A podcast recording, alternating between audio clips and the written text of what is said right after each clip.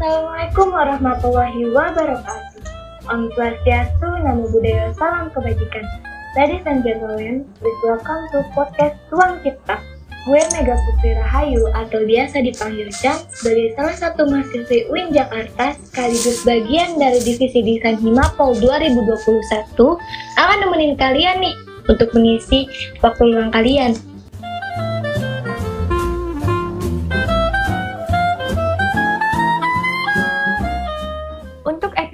Pertama, kita akan ngomongin kemerdekaan dalam bingkai demokrasi milenial. Sebelumnya, thanks tuh kepada Himapol udah kasih kesempatan gue nih buat ngisi podcastnya. Kali ini gue ditemenin nih sama salah satu orang terkeren di WIN, yaitu Kak Erwanda Saputra. Halo Kak Erwanda. Halo Mega. Wait, Kak, gimana nih kabarnya? Alhamdulillah baik Mega. Mega sendiri gimana kabarnya? Alhamdulillah baik dong Kak pastinya. Semoga kita semua sehat-sehat selalu. Amin. Coba dong Kak, kenalin diri lu nih sama para pendengar lainnya. Sebenarnya lu itu siapa sih? Oke, sebelumnya perkenalin perkenalkan gua nama gua Erwanda Saputra. Gua saat ini sedang menjabat sebagai Ketua Himapol UIN Jakarta periode 2021 dan gue dari angkatan 2018 menuju semester 7. Wih, udah mulai sibuk-sibuknya nih ya. Udah padat banget, jadi masih lama lagi. Lalu Ya, kesibukan lu sekarang apa sih kak? Kayak selain kesib- kesibukan gue selain mengurusi Mapol ya gue ikut or- ikut beberapa organisasi juga di luar kampus dan juga saat ini gue juga sedang magang juga dan selain itu juga gue bantu-bantu orang tua juga gitu kalau lagi kosong di rumah. Selain sibuk ngembangin diri, ngembangin achieve-nya, nggak lupa ya sama orang tua tentunya. Anak Tentu soleh dong. sekali. Nah, Kak, kita kan mau ngomongin kemerdekaan dalam bingkai demokrasi nih, Kak. Demokrasi milenial tentunya. Nah, menurut lu nih, Kak, saat di zaman nih, Kak, era prakemerdekaan, sebenarnya apa sih yang sedang diperjuangkan pemuda atau pemudi Indonesia saat itu? Oke. Yang sedang yang sedang diperjuangkan oleh pemuda-pemudi sebelum kemerdekaan tuh ya pastinya ya itu yang menuju kemerdekaan Indonesia 100% dengan berbagai elemen masyarakat yang ada pada saat itu kan pada saat sebelum era kemerde- kemerdekaan kan banyak sekali kan. Kelompok-kelompok masyarakat, kelompok-kelompok eh, apa namanya organisasi-organisasi masyarakat yang digagas oleh anak-anak muda, anak seperti eh, Syarikat Islam, terus juga Partai Nasional Indonesia, terus juga eh, apa namanya Muhammadiyah dan juga Nahdlatul Ulama itu kan ya di digandrung oleh semangat semangat pemuda gitu. Seperti apa namanya? Ya yang kita tahu walaupun berbeda-beda ya masyarakat kita ya kan on- orang Indonesia kan terkenal berbeda-beda suku ya kan berbeda uh, latar belakang. Tapi tujuannya satu untuk menuju kemerdekaan Indonesia. Gitu Mega. Berarti kurang lebih pemuda itu menjadi pelumas lah ya atau roda untuk menyatukan kita semua, menyatukan Indonesia agar secepatnya gitu merdeka dan bebas gitu ya dari penjajahan kak. iya benar sekali. Wah, untuk kemerdekaan 100% tantangannya pasti berat ya kalau kayak gitu, apalagi kan eh, ide-ide ataupun pikiran masyarakat kan masih tertutup ya dan masih bingung nih, wah gimana nih caranya kita merdeka? Terus kan kita juga kekurangan akomodir segala macam, tapi akhirnya kita juga bisa merdeka ya kak berkat dukungan dari para pemuda juga tentunya. Lalu kak, gimana sih pengimplementasian demokrasi saat ini? Apakah udah sesuai apa belum nih dengan yang diinginkan, yang diinginkan para pendahulu kita? Apakah malah justru sebaliknya ya, malah eh, kita tuh nggak sesuai dengan para pendahulu kita? Oke. Sebenarnya yang tujuan dari demokrasi itu kan kebebasan berpendapat, kebebasan berekspresi dalam hal politik tentunya kan. Karena kan demokrasi itu kan dari rakyat oleh rakyat dan untuk rakyat gitu itu tujuan tujuan awalnya da, apa uh, yang ingin ditujukan oleh para pemuda uh, pejuang kemerdekaan lah pada saat itu dan pengimplementasiannya untuk saat ini ya seperti kita tahu lah hingga saat ini pun uh, malah justru kok apa kebebasan berekspresi dan juga kebebasan berpendapat itu semakin sempit ruangnya. Se seperti yang kemar saat apa yang kemarin-kemarin lah uh, mural gitu kan yang hanya menggambar yang yang itu apa namanya sebagai bentuk ekspresi rakyat. Misalnya ada tuh yang mural yang di Tangerang kalau apa berisi tentang pesan saya lapar gitu kan saya butuh makan. Itu kan sebagai keluh kesahnya masyarakat gitu atas kebijakan yang yang diberikan oleh pemerintah. Tapi karena karena pesan yang disampaikan itulah malah justru malah ya dihapus dan juga malah dicari siapa nih yang nulis siapa yang bikin mural ini. Kan itu kan uh, kebebasannya semakin sempit gitu. Apalagi untuk sekarang sudah ya banyaklah peraturan perundang-undangan yang semakin apa membuat kebebasan masyarakat itu ya semakin kecil gitu. Seperti undang-undang ITE lah yang seperti yang kemarin itu yang um, sempat viral itu yang kasus BMUI itu. Mengenai the king king of lip service itu kan sebagai bentuk uh, apa namanya kebebasan berekspresi tapi ya dipersalahkan gitu. Itu. Jadi untuk apa pengimplementasian demokrasi saat ini ya menurut saya masih kurang kurang dari tujuan awalnya awalnya aja gitu. Berarti kayak kalau dipresentasekan tuh kayak 70 dari 100 kah? Atau 50 dari 100 bahkan? Oh. 50 dari 100 sih. Berarti masih setengahnya lah ya. Setengah. Ya.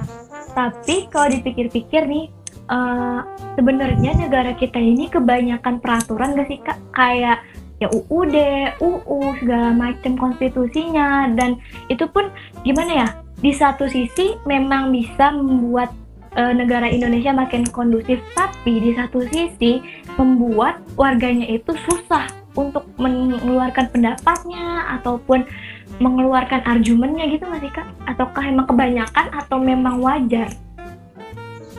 Oh, kalau mengenai apa namanya konsep negara itu kan ya para apa hukum apalagi kita kan negara hukum gitu kan apa-apa berdasarkan hukum dan juga uh, beberapa peraturan hukum itu kan berkembang sesuai dengan perkembangan zaman gitu. Jadi ya menur menurut gua pribadi kalau misalkan kayak masih kebanyakan uh, peraturan di mana apa namanya kalau misalkan emang tujuannya itu baik pro rakyat itu kan bertujuan untuk ya mesejahterakan rakyat itu ya fine fine aja menurut gua. Dan yang dipermasalahkan di sini kan peraturannya itu kan malah justru mencekik rakyat dan juga tidak pro rakyat dan juga tidak melambangkan bahwasannya kalau kita tuh negara demokrasi gitu. Berarti salah satu contohnya kebebasan berekspresi itu iya. gitu. Berarti sejatinya uh, hukum dengan jumlah yang banyak itu sebenarnya nggak apa-apa, cuma memang harus bisa menaungi ataupun mendukung rakyat gitu ya kak? Iya benar harus ya jangan tumpul ke atas tajam ke bawah lah gitu ibaratnya. Terus kak menurut kakak nih apakah selama 76 tahun nih Indonesia merdeka di tahun 45 itu kita udah benar-benar merdeka 100% apa belum sih? Oh, kalau untuk benar-benar merdeka 100% seperti konsepnya Tan apa seperti yang diimpikan oleh Tan Malaka itu kurang menurut saya. Karena ya sama kita kan negara kita kan berbaju ada Pancasila ya.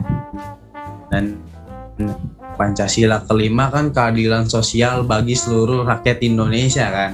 Iya. Nah, pertanyaannya kasus-kasus yang terjadi yang yang yang yang diperlihatkan yang diperlihatkan kepada kita gitu kan masyarakat Indonesia itu ya tidak tidak adil secara sosial dan juga secara masyarakat gitu. Uh, apa apalagi dalam hal hukum gitu kan seperti yang baru-baru ini kasusnya uh, Pak Juliari Batubara itu kan hanya dijatuhi hukuman 12 tahun padahal itu kan kasusnya korupsi bansos itu bantuan sosial dan itu sangat urgensi sekali bagi bagi bagi rakyat itu.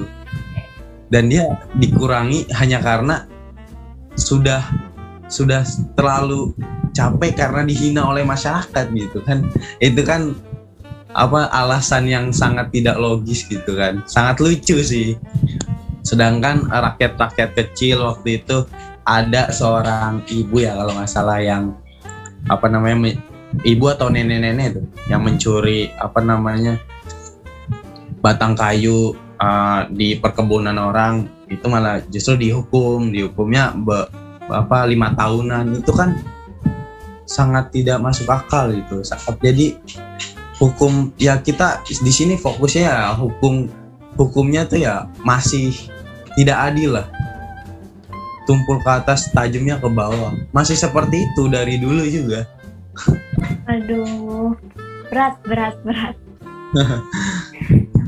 Jadi kak uh, kan realitanya memang tidak seindah ekspektasi yang kita harapkan lah ya. Lalu iya. menurut kakak nih, sebenarnya yang seharusnya dilakukan kak oleh pemuda atau pemudi milenial nih untuk Indonesia gitu kak, untuk menjadikan Indonesia ke depannya memang lebih baik, much better than your orang lain gitu kak. Oke, ini lebih baiknya dalam apa konsep demokrasi kan? Iya. Yep. Oke, untuk pemuda-pemuda yang hal yang harus dilakukan oleh pemuda-pemudi Indonesia adalah khususnya milenial untuk kemajuan Indonesia ini dalam konsep demokrasi yang menurut saya seluruh pemuda-pemudi Indonesia itu harus terbuka dan juga peduli terhadap politik di Indonesia gitu. Jangan skeptis lah, jangan skeptis terhadap politik di Indonesia. Jangan mau seperti ya uh, beberapa uh, orang-orang dahulu gitu yang hanya dimanfaatkan oleh politik yang dimanfaatkan oleh apa aktor-aktor politik oleh oligarki gitu yang cuma dikasih uh, dikasih bantuan itu ketika pengen pemilu yang tujuannya untuk kepentingan mereka gitu jadi ya di sini uh, gua harap ya pemuda-pemudi Indonesia itu ya lebih terbuka pemikirannya lebih rasional dan tidak tidak selalu berpihak kepada satu kelompok gitu. Jadi ya harus ber, pemikirannya harus harus bebas dulu dan juga harus berpikir secara rasional gitu, harus independen. Itu sih. Intinya harus peduli terhadap politik Indonesia untuk apa ya? Untuk peduli terhadap kesejahteraan masyarakat gitu kan karena kan kesejahteraan masyarakat itu kan ditentukan oleh kebijakan publik gitu kebijakan dari pemerintah gitu. berarti uh, kesimpulannya adalah pemuda harus melek akan keadaan Indonesia ya kak. Entah dari ya, politiknya hukumnya dan segala macamnya. Wah ya. obrolan kita makin lama makin seru ya dan pastinya bakal menambah ilmu pengetahuan kita guys. Tapi durasinya habis nih. Tapi nggak apa-apa. Next time kita akan ngobrolin topik yang gak kalah seru pastinya. Kak, uh, Kak Erlanda, satu pertanyaan terakhir, terakhir banget nih Kak. Satu kata hmm. dalam pikiran lu tentang gambaran kemerdekaan dan satu kata lagi tentang pemuda dan pemudi. Oke, okay. satu kata untuk kemerdekaan berjuang dan satu kata untuk pemuda-pemudi bersatu. Mantap. So, sekian ya guys. Gue Megane dan KR pamit undur diri. Untuk pendengar jangan bosan-bosan nih pantengin sosmednya Himapol biar nggak ketinggalan berita yang up to date dan dengerin juga podcastnya. Wassalamualaikum warahmatullahi wabarakatuh. Waalaikumsalam warahmatullahi wabarakatuh.